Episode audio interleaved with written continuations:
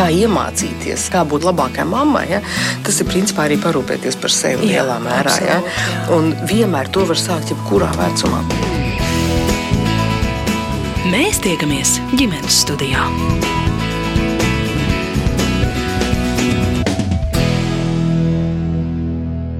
Labdien, un esiet sveicināti ģimenes studijā. Šodien es Agnese Linka dodos ciemos uz Gulbenes pusi, kur iepazīsim mezīšu ģimeni. Ilzi un Jānis satikušies kopīgā darba vietā, no galvaspilsētas pārcēlušies uz laukiem. Tur šobrīd Jāņa dzimtajā pusē audzina trīs meitas un apņēmušies atjaunot vienu varenu ēku, kam dots kastaņmuižas nosaukums. Ilza vairākus gadus aktīvi strādājusi par mammu, jo meitenēm ir maza gadu starpība. Tagad viņa fotografē, taisa bišu vaska sveces, vāc zāļu tējas un saka, ka pēc mazuļu aprūpes maratona abi tikai tagad pamazām sāk atgūt sevi.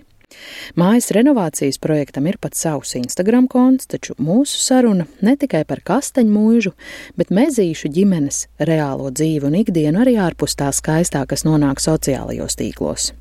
Ienākot viņu virtuvē, es skaļi paužu apbrīnu par tās visnotaļ stilīgo iekārtojumu, un Ilze uzreiz iesāk ar stāstu par to, kā viņi nonākuši šajā pagaidu mājā, kurā jau vairākus gadus ir īrnieki. Mēs atbraucām tāpēc, ka mēs mukām projām no karstuma Rīgā. Mums bija piedzimusi Linna, otrā meita. Pirms cik ilga laika? Astoņi gadi, bet es to gribēju pataupīt, bet labi, astoņi gadi. Un uh, mēs atbraucām no vasaras uz trim nedēļām uz laukiem pie Jāņa vecākiem, kas ir pāri pretī Prietkalnos. Tur ir māja pāri ceļam 800 metri. Jā. Un uh, Ilze mums saka, Ilze arī vīrmāte Ilze. Saka tā, no, no, no, no, no, no, pie mums nē, rekur kaimiņiem ir tukša māja, viņa aizbrauc uz Austrāliju, vai kādus, kas pieskata. Īsais stāsts tur ir Latvija, apprecējusies ar Austrāli. Latvijas sapnis bija atjaunot uh, kādu lauku īpašumu, un tad viņi atjaunoja to īpašumu un devās atpakaļ uz uh, Austrāliju ar domu, ka viņi atgriezīsies, bet nu jau mēs šeit esam astoņus gadus, un viņi nav atgriezušies. Māja bija atjaunota, man nācās viņu tā kā iekārtot. Man vispār ļoti patīk gatavot, man vecmāmiņa Agāfija bija šefpavārs. Un kaut kāds gēds droši vien ir arī man. Un tad, kad mēs atbraucām, tad šeit virtuvē bija leduskapis, divi skapīši, starp kuriem bija uzlikta izliete un plīts elektriskā ar diviem maziem deglīšiem. Tad Pirmos divus gadus, man liekas, mēs tā arī nodzīvojām. Tad piedzima Helmija, un tad kaut kā vienā rudenī es izdomāju, ka man vajag uztaisīt savu virtuves iekārtu. Un tā es uztaisīju U-veida virtuves iekārtu. Pati. Pati. Un piedāvājam, viss, kur ir nolikts, ir uh, vienkārši perfekti izdomāts. Ja visi, kas gribēs, tad šeit paņem dakšas. Ja es ņemu no pannas ēdamo, tad tepat es paņemu šķīvi, uzlieku. Jā. Man viss ir nu kā konvejerā, kā man vajag. Trauķi, citi liek labajā pusē, manā gadījumā tikai kreisajā kreisajā, jo ar labo roku skalonu ar kreiso līdzi. Mana super perfektā virtuves eh, iekārta, mm. ideālā. Pa lielam mēs esam apauguši ar mantām un apauguši pa astoņiem gadiem arī ar mēbelēm, jo gulbenē ir ļoti foršs veikaliņš, ko es saucu par trauku kupolām, kur var nopirkt gan krēslus, gan galdas, gan visu kaut ko un interesantus traukus. Šī māja ir uh, Austrāļu īpašums un uh, viņi nezina, kas ir ziema. Un mums te ir viss tāds saucamais openers, kad ir viss studija, tipa viss kopā. Ja? Visas telpas apvienotas. Visas jā. telpas ir apvienotas. Mums reāli lejā ir atsevišķi tikai vannas istaba un guļamistaba, kas sākotnēji bija bērnu istaba. Es biju tik traka, ka to iedevu bērniem.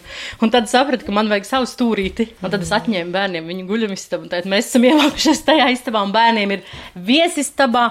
Un tā doma bija, ka mēs viņus varam likt viesistabā, jo pie mums tāpat neviens nebrauc. Un kā ielikām, tā saka braukt. mm -hmm. un tad ir, protams, leģendārā skāpju sistēma, kad ar skāpiem var atdalīt visu, ko no visa kāja. Omas agāfijas kumoda, tā man ir vismīļākā. Nu, ko tu vēl man gribi parādīt? Kas ir šī? Saka vēlreiz. Veranda. Veranda. Tur agāfijas divi. Un tur mana grāmatiņa redz tāda visas mūsu skolas direktoras teikanas. Ah, teikanu kolekcija.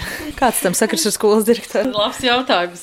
Man ļoti patīk porcelāns. Ir patiesībā visi tie skati, kas ir, ir pilni ar traukiem un glāzēm un visu kaut ko.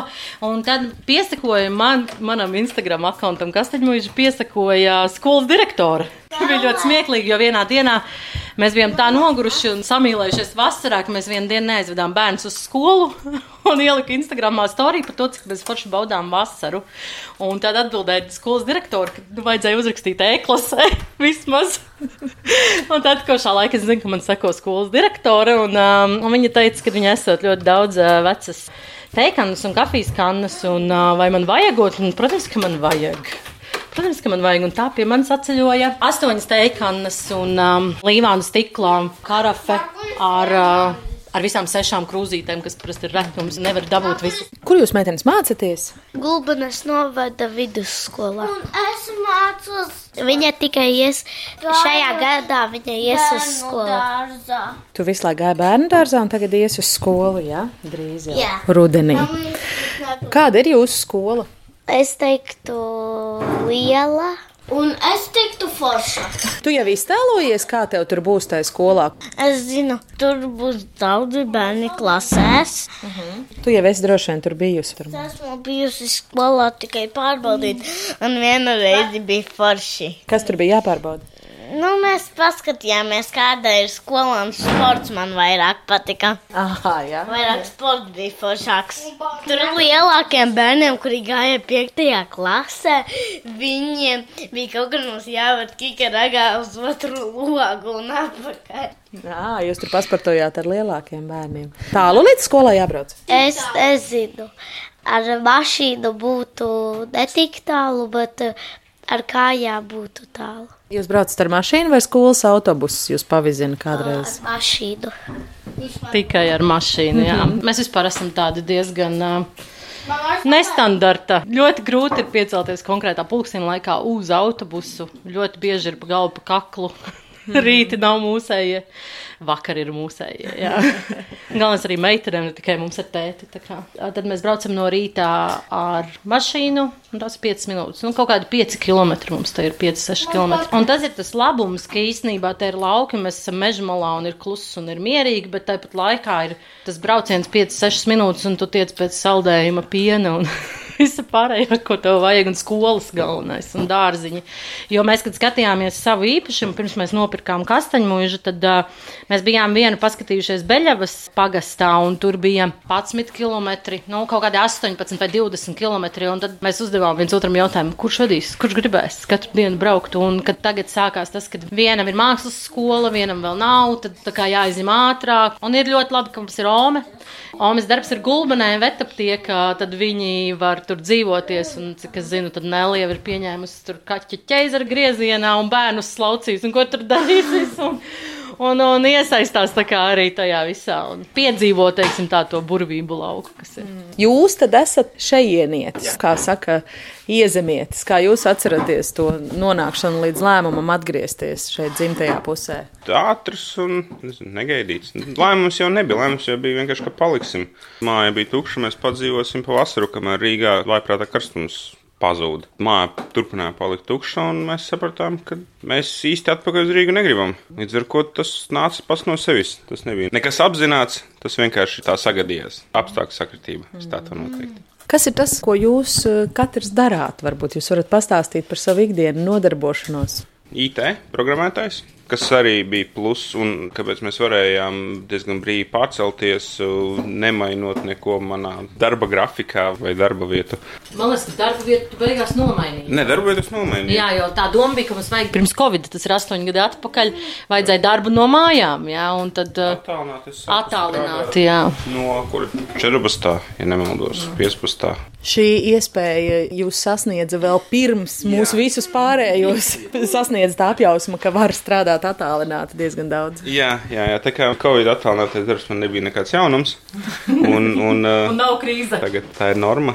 Kā jūs vadāt savu dienas? Ah, Es arī strādāju IT, strādāju IT, jo tos astoņus gadus atpakaļ, īstenībā sešus gadus atpakaļ, kad man vajadzēja atgriezties strādāt pēc Helmija piedzimšanas, tad mans uzņēmums pateica, ka no mājām strādāšana nebūs. Un tad es tā arī ar vieglu devos prom no IT, jo īstenībā man liekas, ka tas stress un tas viss, ko es tur piedzīvoju, nu, nav tas pēc kā tiekties. Nu, man liekas, tomēr gribas to radošāko pusi vairāk, un tad es atvēru savu fotostudiju Gulbenē. Tas tas, ko es daru. fotografēju visu, izņemot kāzas un bēres. Izņemot kāzas. Un... Jā, kāzas izņemot tāpēc, ka man ir mazi bērni. Es negribu pavadīt laiku no 9 rītā līdz 2 naktī pārgurusi vienkārši braukt mājās sestdienās vēl piedāvām kas ir nu, vienīgais mūsu laiks kastaņmuižai, kur mēs atjaunojam. Un uh, bērns nefotografē, tāpēc, ka tas ir pārāk skumjš notikums priekš manis. Es ļoti emocionāls cilvēks. Un uh, tad rudenī, pagājušā gada rudenī sāku taisīt bišu vaskas veces, aromātiskās un parastās. Nu, tā kaut kā mana diena paiet. Uh, esot mammai, un jā, nē, saldējumu nevar tagad. Kāpēc? Tāpēc, ka jāpēd vispirms, un tad varēs saldējumu, ierunājās mamma.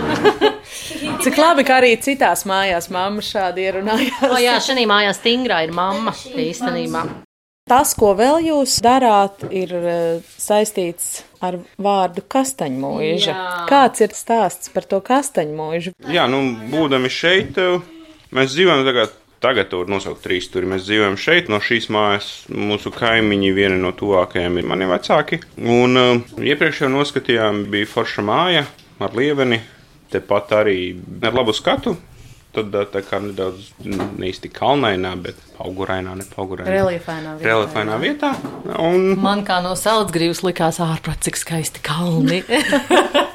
Jā, un viņa bija man pazīstama, vārds pa vārdam. Viņi viņu notirgoja, mēs viņu nopirkām, nomainījām nosaukumu uz Kastaņmuiža, jo pirms tam viņa tāda nebija. Jā, tagad mēs tur lēnā garā mēģinām darīt, lai varētu ievākties. Mani vecāki vairāk, mēs vairāk kā melnais darba spēks, bet eh, mani vecāki ir vairāk kā dzinējs spēks, lai tur darbi iet uz priekšu un lai mēs īsākā laikā varētu ievākties tur. Īstenībā man liekas, ka bez Jāņa vecākiem mēs necik tālu nebūtu tikuši, jo mēs abi esam tādi ļoti lēni. Es varbūt nebiju tik lēna, bet tad, kad iepazinos ar Jānu, tad arī tāda stipri mierīgāka paliku. Un, Un es domāju, ka viņi ir tiešām tas dzinējs spēks, kas saka, ka vai, vai, vai mēs vēl varam paspēt šogad to, un mēs vēl varam paspēt šogad šito. Un kasteņu mūža mums ir trīs gadus. Pagājušajā gadā es sāku taisīt Instagramā profilu tikai tāpēc, lai saglabātu Jo es vienkārši zinu, kas notiek ar bildēm. Man kā fotografam nav nevienas bildes. Un es vienkārši izdomāju, ka es taisīšu kastaņmužas Instagram, kurā es likšu iekšā, kā mums iet, kā mēs atjaunojam, kas notiek un tā tālāk. Patiesībā mēs uz kastaņmužu, jeb uz bērzu kalns. Bērzu kalns, man kā saldsgrīvietei, kur rauj galotnes no. Es nevaru saprast, kas tas par bērnu kalnu. Bērnu kalns ne jau bērnu kalns, jo haidī. Jā, un tad mēs nomainījām uz kasteņmežu. Mēs ilgi domājām par to nosaukumu, bet tad es dzirdēju ļoti daudz stāstus no kaimiņu lāču meitenēm. Tur ir liela ģimene, kas visi ir gājuši lasīt kastaņas skolai zem kastaņa, kas aug pie kastaņmuižas. Viss skaidrs, tā tad kastaņmuiža. Bet kāpēc tieši mūža? Jā, kāpēc tieši mūža? Tāpēc, kad māja ir celta 1880. gadā, tas ir mūžu laiks, mūžu kungu un tādu. Jā. Teiksim tā, man gribējās pagodināt to ēku, to celtni ar mūžas nosaukumu nosaukumu, lai būtu tā sajūta, ka mēs atgriežamies atpakaļ laikā un, un novērtējam to, kas tajā laikā tika radīts. Jo tie mūri visi ir taisīti ar rokām, un, un, un mūrēts viss tur ir ar rokām, atjaunots arī ar rokām. Tad, kad mēs aizgājām, mēs vēl nebijām vispār nezinājām, vai viņi pārdos, vai viņi grib pārdot, un tā tālāk mēs aizgājām un vienkārši pieglaudāmies pie tiem mūriem, un tāda sajūta, ka viņi ar tevi runā, vienkārši tev saka, nu nāc dzīvot šeit.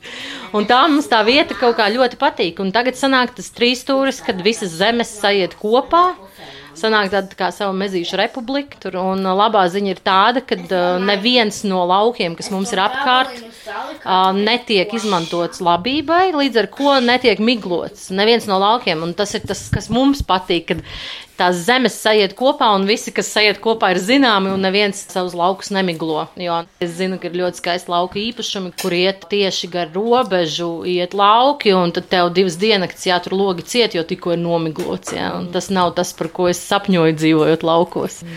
Gribās tādu mazu idilīti, kur nav nekāda ierobežojuma logu atvēršanai. Kas ir tie darbi, kas kastaņu mūžā ir jāpadara? Lielam tas, kas tur paliek, tur paliek sienas, un jumts, kas jau iepriekš tika mainīts, bet pārējais viss tiek uh, lēnām garā nomainīts. Jo savu laiku viņa ir bijusi apdzīvota, viņa ir liela māja, kas sadalās trijās daļās. Trešdaļa ir bijusi kūts, trešdaļa ir bijusi šķūnis un trešdaļa ir bijusi dzīvojama ēka. Un tad mēs palielinām to dzīvojamās ēkas daļu, mēs ievelkam ūdeni, ieliekam kanalizāciju, un tas jau ir izdarīts apkurei. Mēs izmantosim siltumsūkni, tad ievilkām kontūru. Paliek tas, kas paliek, paliek. Izkrāsot sienas un ievākties, ha, ha.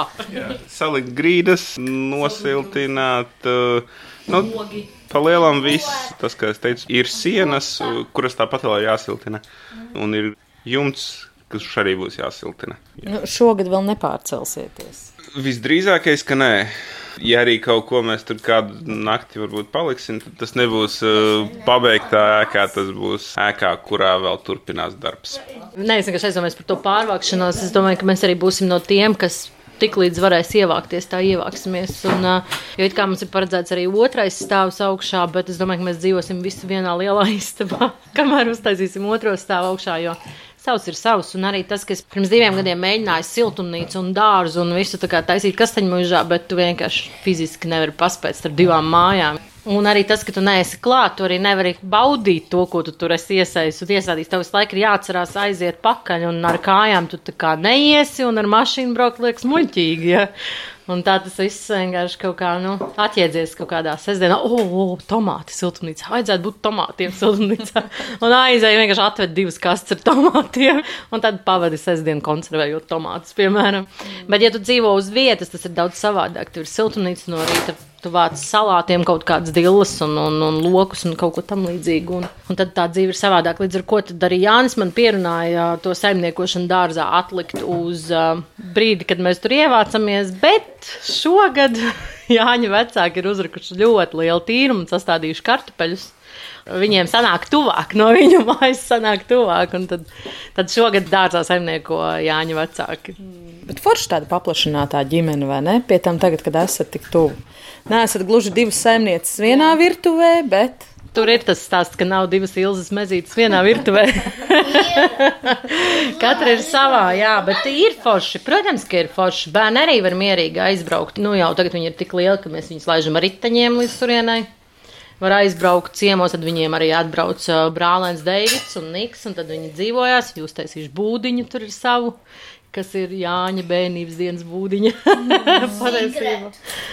Slepenā būdiņa. Un tā jautri, protams. Daudz labāk nekā, ja ir viena ģimene, meža malā, bez radiem draugiem, kaimiņiem. Droši vien tad bērniem ir tā skumīgāk dzīvot, nekā, ja ir apkārt vecāki un draugi. Meitenes atcerās Rīgas dzīvi vēl vispār? Es neatceros, jo tas bija sen. Mēs Nēlas divu gadu jubileju nosvinējām šeit. Tātad Nēla oh. vispār neko neatcerās. Nu, un Linnai bija mēnesīts, laikam, kad mēs atbraucām.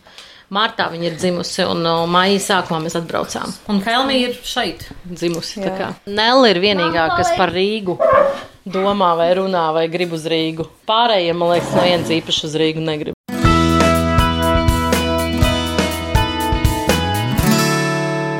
Kāds ir tas jūsu iepazīšanās un satikšanās stāsts, ja varat uh, atklāt? Jānis no Gulbenes un Ilze no Salatsgrīvas. Es nu, tu izstāstīsi, jā? Par to pat raksta vietējās avīzēs. Viss sākās ar to, ka uh, mēs ar Jāni sākām strādāt vienā projektā, vienā IT projektā kopā. Un, um, es biju skrumāsters, tas ir um, tāds maziņš apakšprojektiņa darbu dalītājs, nezinu, vadītājs, kurš organizē darbus starp programmētājiem, un, un katru dienu viņi atbild uz jautājumu. Es pat vairs neatceros tos jautājumus, bet viņi atbild, ko tu darīji, ko tu darīsi, un vai tev ir kādas problēmas. Un viņa atbildes vienmēr bija interesants, jo tur bija ļoti interesanti, kad Jānis bija tikko jauns, sācis strādāt, un tos darbus vērtē vecāks programmētājs, cik apmēram aizņem laiku uztaisīt šo te formu. Un viņš bija novērtējis uz divām dienām, un es kā tikai Jānim prasu, tā viņš atbild tikai, viņš taisa tur TMD 35 vai vienalga kāda tur to formu. Un tā vairākas nedēļas viņš tikai taisa visu laiku to vienu to pašu formu, kurai man stāv priekšā novērtējums divas dienas. Es strādāju par testētāju, un tad es izdomāju, ka es gribu būt iekšējais auditors. Un es aizgāju uz kvalitāti, un līdz ar to es pārcēlos uz citu ofisu. Pagāja kaut kādi divi gadi vai trīs gadi, es nezinu. Ir katru gadu Ziemassvētku balles, un uz Ziemassvētku balli ir jāiet, bet es tā kā nezinu, ko iet. Zvanu darba kolēģim Mārim. zinu, ka viņš dzīvo divus kvartālus no manis uz ģetrūdas ielas, un es saku, nu vai laižam kopā uz ballīti. Viņš saka, nē, nē, es tieši ar līvu, un es tādu ar līvu, jo tā bija darba kolēģi, un es hi, hi, hi, paķiķinu par viņiem, un tā neko. Viņš saka, bet tu piezvanīji. Mezītim, viņam nekad nav ar ko iet. Un es domāju, es taču neiešu zvanīt mezītim. Nu, kādā sakarā es zvanīšu mezītim? Paiet desmit minūtes, zvana telefons. Jānis zvana. Čau, būšu to pakaļ astoņos. Ok, labi, čau. Mēs ieejam tagad tajā ballē, un tur jau, nu, zin, kā visiem jau šoks par māru un līvu, ja? Un mēs ieejam reizā ballē, un visi, o, o, o, tur apeli ar mezīti atnākusi, un, un Jānis apliek man roku un saka, ko dzersim inčukiņu? Šampirunčukiņu. Tāpēc balles katrs pa savām mājām, bet tad mēs sākam domāt, kaut kā aizdomājies, Jānis ir paudzies, ja? Nākamā gada 1. martā sākam dzīvot kopā. Tā kā mēs baigi garumā nevilkām. Un kur tad tas avīžu raksts tāpa? Avīžu raksti ir divi. Viens avīžu raksts ir par to, kad mēs satikāmies Ziemassvētku laikā. Nu, tā kā saskatījāmies vairāk vai kaut kā tā. Mami. Viens raksts ir par to, un otrs raksts ir ar virsrakstu no dienesta romāna līdz īstai ģimenei, par ko es biju šokā. Kur tad tas ir ticis aprakstīts? dienesta romāns ir dzirkstelē, un otrs, man liekas, bija žurnālā Ieva. Neatceros. Un tā kaut kā, un tad nākamais jau bija aicināju Jāni uz pasākumu uz salacgrīvā. Un Jānis man saka, nē, es nevaru, es nevaru, jo man ir jābūt uz uh, dzimšanas dienas ballīti. Un es, protams, pajokoju un saku, ok, tad es braucu pie tevis uz dzimšanas dienas ballīti. Un pēc tam apmēram mēnesi mēģināju viņu atrunāt. Un beigās man bija jābrauc uz dzimšanas dienas ballīti. Un tā tad pirmā reize, kad es ierados Gulbenē un pie visiem radiem draugiem, mēs ar Jāni vispār nebijām kopā. Bet tā bija Anitas, tātad Jāņa tēta brāļa. Sievas 50 gadu jubileja. Īstenībā tur tas stāsts ir tāds, ka Jāņa tēvs nāk no lielas ģimenes, kur ir 12, viņa ir 12 bērni. Tātad tās ballītes nemaz nav mazas. Es nāku no ģimenes, kur man ir tikai brālis, un manai mammai ir pusbrālis, un mēs neesam liela ģimene. Un tad piemērs ir kāzas, kur kāzas mums bija 140 cilvēki, tepat Prietkalnos kalniņā augšā, jā, ārā, no kuriem desmit bija manējie. Jums uzreiz bija skaidrs, ka tā būs meitene, kuru varēs kādreiz aizvilināt prom no galvaspilsētas. Tajā momentā jau es īstenībā pat nebiju domājis dzīvot ārpus pilsētas. Man patika pilsētas dzīve. Līdz ar to, jā, tajā momentā noteikti nebija skaidrs. Tas vienkārši nāca, nu, pieaugam, mainamies, domas mainās līdz ar to, jā. Kas ir varbūt tie grūtie brīži vai kaut kādi izaicinājumi momenti šādam dzīvesveidam? Tu zini, nu? Tā kā mēs neklausām vecākus, tad viņiem ir grūti. Bet bērni neklausa vecākus, man liekas, vienlīdz pilsētā vai laukos. Jā, tas ir noteikti. Mums ir pilsētā ir tepat nepilni 5 km. Līdz ar to mēs esam pietiekoši tuvu civilizācijai, ja vajag veikals, skolas, dārziņi. Tos mēs vedam. Tā kā nu, es teiktu, ka viņš ir tāds vairāk hibrīds starp uh, lauku dzīvi un pilsētu. Respektīvi, mēs neziedojam kaut kādas pilsētas labumus, dzīvojot šeit. Nav tik daudz viņu kā ir Rīgā, bet tāpat laikā viņi ir pietiekoši lielā daudzumā, lai mēs varētu dzīvot komfortā. Es atceros, ka Sapīrielā mēs dzīvojām otrajā stāvā, un mums bija smagi hezbas rati, kurus es stiepu augšā uz otro stāvu. Un viņas dalīja vispirms kulvu, un tad pašus ratus, un tad atkal lejā, un tad atkal augšā.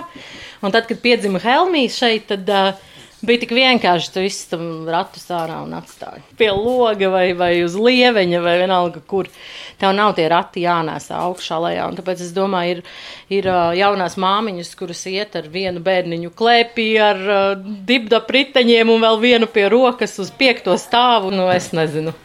Tad, kad mēs atbraucām uz šejienu, tad es sapratu, ka šeit ir daudz foršāk. Jo Linnai bija divi mēneši, kad mēs atbraucām uz šejienu, un arī viņa gulēja ļoti daudz ārā, un, un ir tev kur pastaigāties, un svaigs gaiss, un, un tas viss pārējais. Un tagad varbūt teātri mums te baigie nav un koncerti, jā.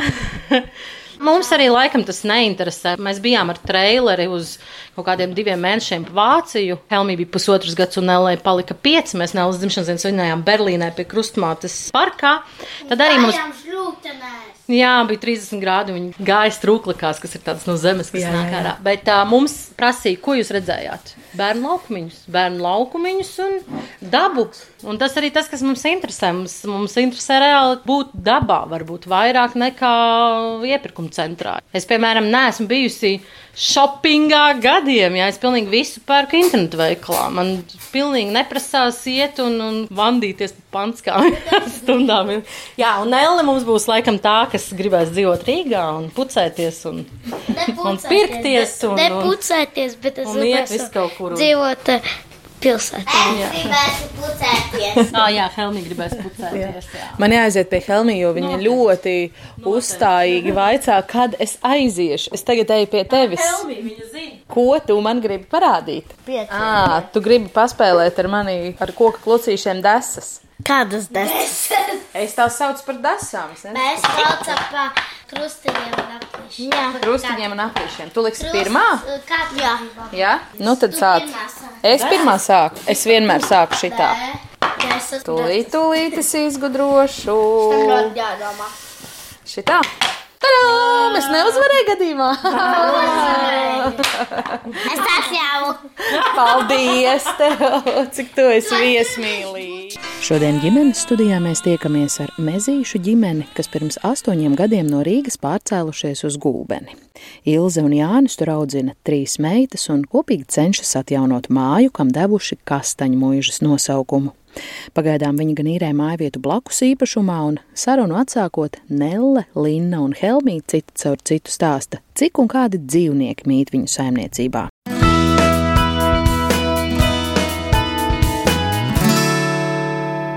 Es esmu aiztikusi beigtu čusku. Man interesē čuskas, bet uh, dzīvu čuskas negribu aiztikt. Kāda vēl jums dzīvnieciņa te dzīvo apkārt? Stirnas bieži vien tas skrien mūsu kaķi. Cit, Cik kaķi jums ir? divi, trīs. Mums tagad Trīs? trīs. Bālis. Mārlis ir mūsu oriģinālais kaķis, kurš vairs nerādās mājās, kopš mēs esam parūpējušies par pieklīdeņiem. Tad mums ir divas beigas, kuras ir sterilizētas. Trīs. Un ri, ričuks, kaut kāds ričuks, es nezinu, kas ir ričuks. pieklīdēs. Ā, tas, ok, jā, mums ir atnācis ļoti, ļoti vecs kaķis. Līgas kaķis. Ā, Un vēl līgas kaķis pie mums atnāk. Nu, mums daudz kaķu. Bet tas mums bija daudz mazie kaķi, bet daudz ieizgoja. Neizgoja. Nē, viņus, viņus atdeva. Palika pāri kristālīte, viss. Visas ļoti runātīgas. arī. Arī māma, jā. Cik viegli vai eh, grūti ir eh, pāriet no biroja darba uz strādāt par māmu. Ļoti grūti. Jo maza piebilde, ka es biju ļoti liela karjerista un uzbūvēju savu karjeru un izdarīju to pusotrā gadā. Un, jā, īstenībā grūti, jo pats sākums bija grūts, jo es nekontrolēju savu dzīvi vairāk, kāds cits to kontrolē. Un, man īstenībā bija ļoti grūti to pieņemt. Vispirms jau saprast, un pēc tam pieņemt. Bet um, desmit gadi es esmu mamma, un īstenībā es vēl mācos. Vēl mācos. Nevarētu teikt, ka es esmu tādā baigi harmoniskā stāvoklī šobrīd. Man ļoti daudz īstenībā palīdz daba. Tad, kad liekas, ka jau nu, nāk virsū un vairs nevar izturēt, atver logu, ielpo svaigu gaisu un tev garām aiziet četras stundas. Un tev paliek labi.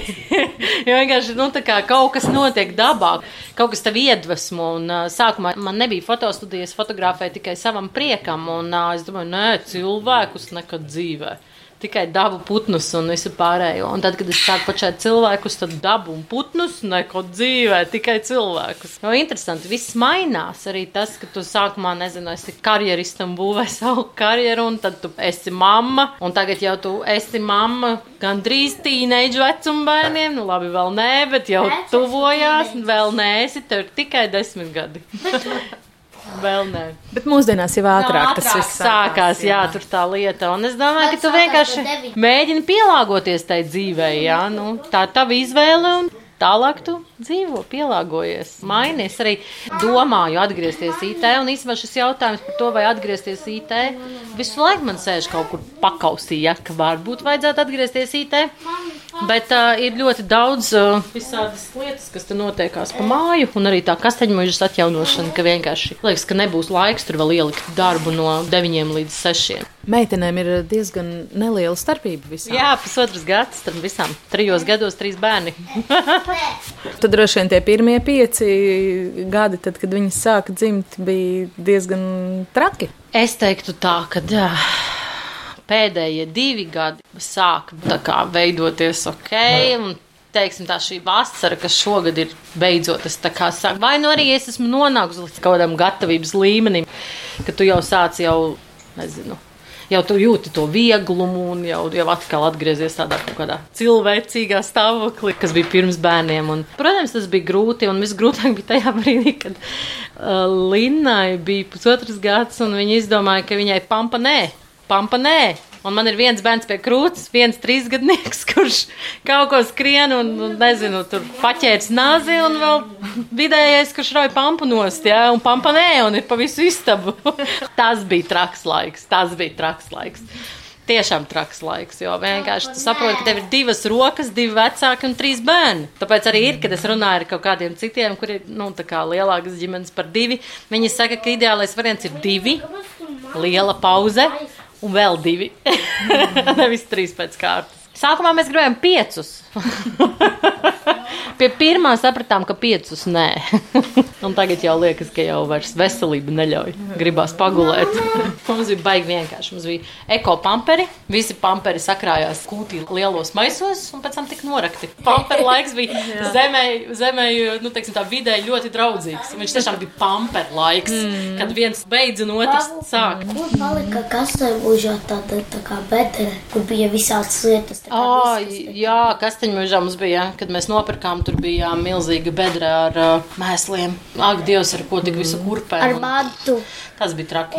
To mēs visu savācām, sašķirojām. Atkal, atkal stāsts par Jāņa vecākiem. Mēs sākām, mēs sākām šķirot, sākām darīt, bet to pabeidzi reāli Jāņa vecāki. Jo tas bija trakais laiks, kad bērni vēl visi bija maziņi un tev vienkārši nav tās enerģijas, lai iet un darītu. Un viņiem, viņi savukārt no malas, viņi redz, nu, tā te taču vēl var paspēt to un te var paspēt šito, nu, tā ejam izdarām. Bieži bija tā, ka tā sajūta, ka mēs esam muškungs un muškundze un mums ir strādnieki.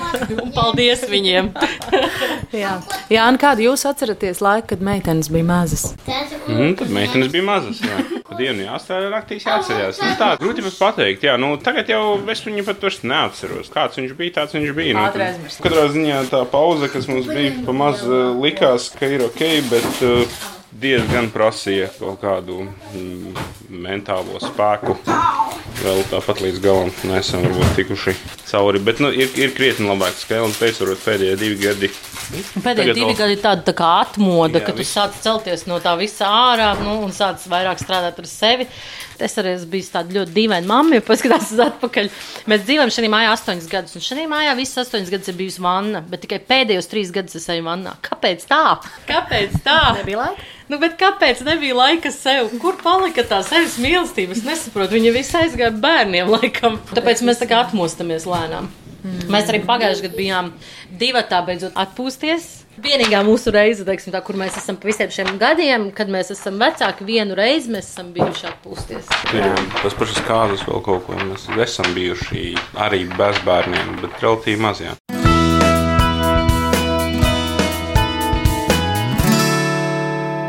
Kas ir tas, ko jums patīk darīt vasarā un visiem kopā?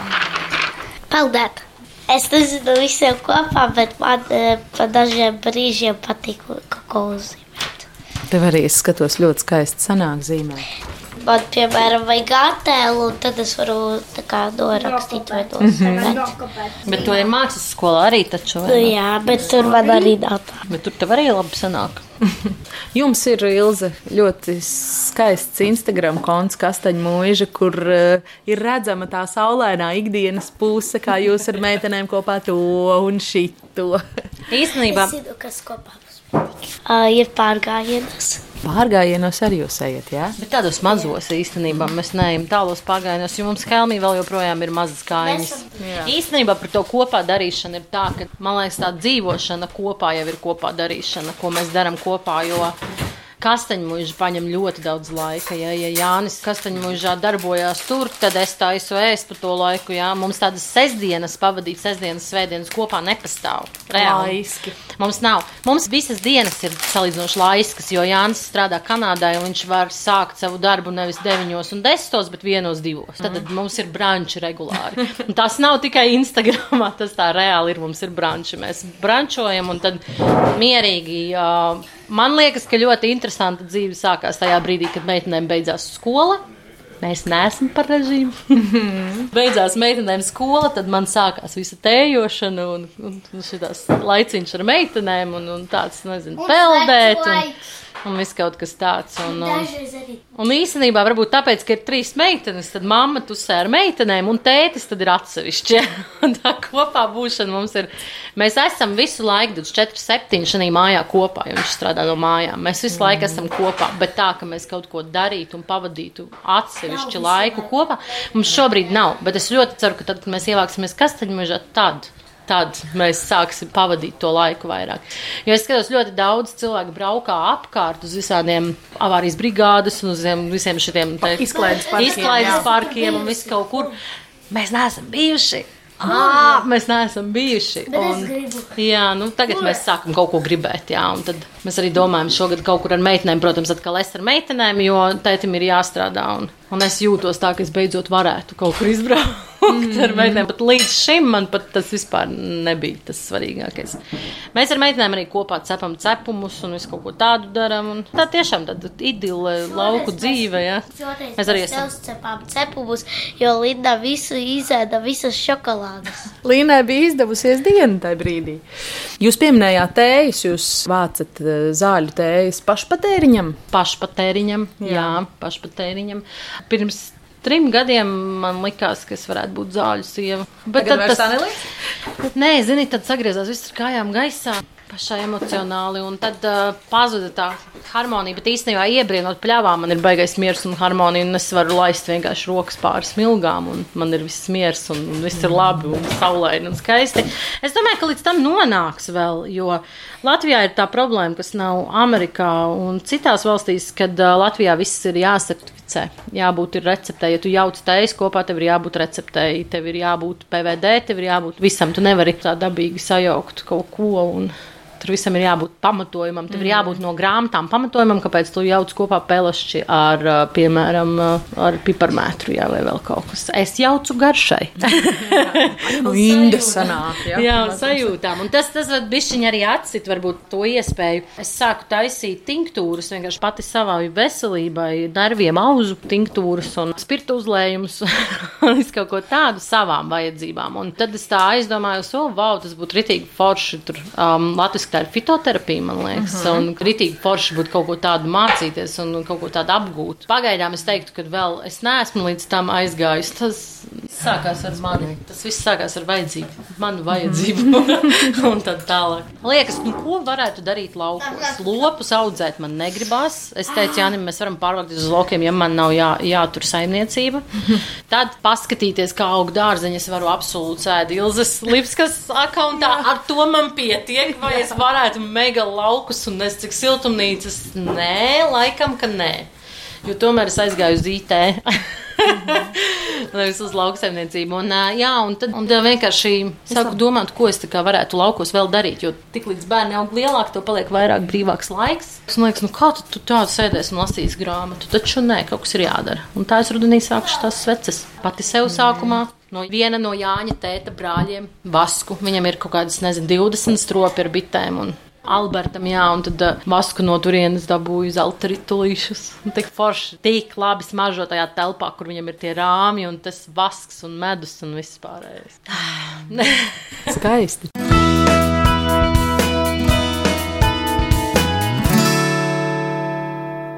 Jūs pieminējāt, ka Helmi Viņa dzimusi ir dzimusi šeit. Jā, Helmi. Helmi ir mājdzemdību bērns, kuram mājdzemdībās bija 11 cilvēki. Tas ir tāds, saka, virsraksts, intriģējošs, un tālāk ir uh, skaidrojums, ka Helmi kā trešais bērns no pirmās, pirmās, pirmās konstrukcijas, no pirmās. Nu, tā kā varētu būt, ka drīz būs bērns. Mm -hmm. Līdz tam, ka viņi man bija rokās, jau pagāja kaut kāda, nezinu, divas stundas. Un tas bija tik ātri, kad vienkārši vecmāte nepaspēja atbraukt, fiziski nepaspēja atbraukt. Un viņas No gulbens? vecmāte no Cēsīm, Rudīta Brūvera, mana mīļā vecmāte, viņa ir pieņēmusi visus manus bērnus. Ai, tas bija tik traki un interesanti. Rudīt man uh, ieteica pēc šīm maidzemdībām vēl vienas maidzemdības, kurās tā kā harmoniski, harmoniski tā kā nomierināt šo. Jo šis bija ļoti interesanti, jo man bija kauns rudītais zvanīt pēc otrās kontrakcijas un teikt, ka man ir sākušās dzemdības. Jo normāli taču nav pēc, pēc otrās zvanīt, bet kad jau sāk tur kaut kas notikt vairāk. Un es viņai vienalga piezvanīju, viņa saka, visas tūlīt braucu. Un viņi vienkārši fiziski nespēja atbraukt, bet tad, kad es sapratu, ka man jāsāk spiediens un viss notiek, tad es zvanīju vēlreiz viņai. Viņa teica, viss sauc ātrā palīdzību, nav varianti, tev ir jāsauc ātrā palīdzība. Un pazvan arī Ilzai. Ilza ir vetārsts. Vīramāte. Vīramāte, pazvan vīramāte arī. Nu, lai tā kā ir klāta, jā, nu ātrie nespēja atbraukt. Un ātrie paspēja atbraukt, jā, un viņi pieņēma Helmi šeit. Un tad, kad Rudīte ieradās starp Helmi un placentu, viņi izdarīja visu pārējo. Bet tā interesanti, kad strādā šīs mājdzīvības. Es nevienam nesaku, jādzemdē mājās. Katrai sievietei pašai ir jājūt, vai viņa var dzemdēt mājās, vai viņa nevar dzemdēt mājās. Bet cik interesanti, kad uh, medicīnas darbinieki pat nezina, kad ir tādas certificētas mājdzīvību vecmātes, jā, un kad Rudīte ienāca istabā, tad viņiem bija jautājums, kas tu tāda esi un ko tu tagad darīsi. Un mēs viņu vedam prom uz slimnīcu.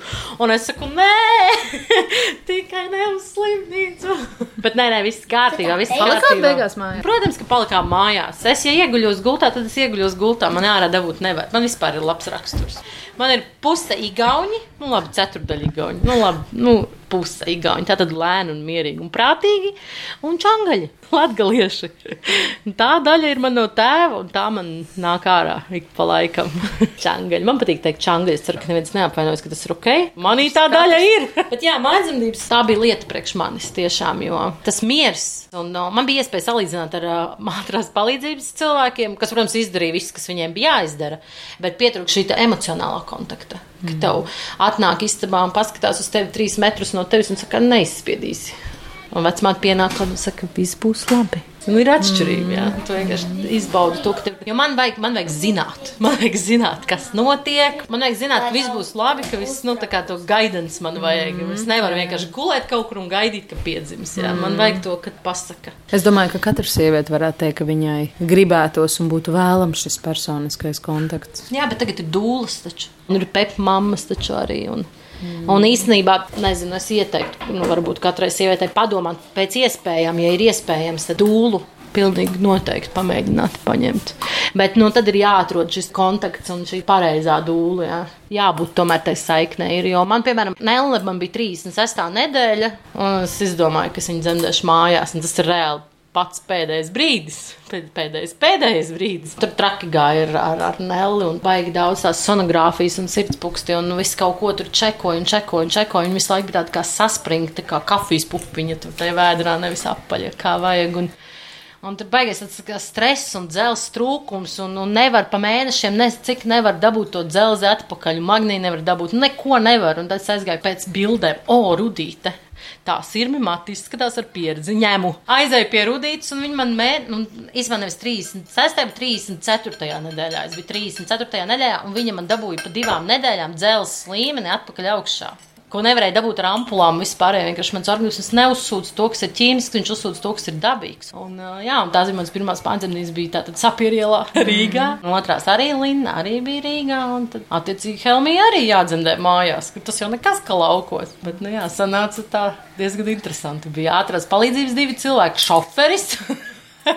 Jāņa mamma, Jāņa tētis, mana mamma, Rudīta.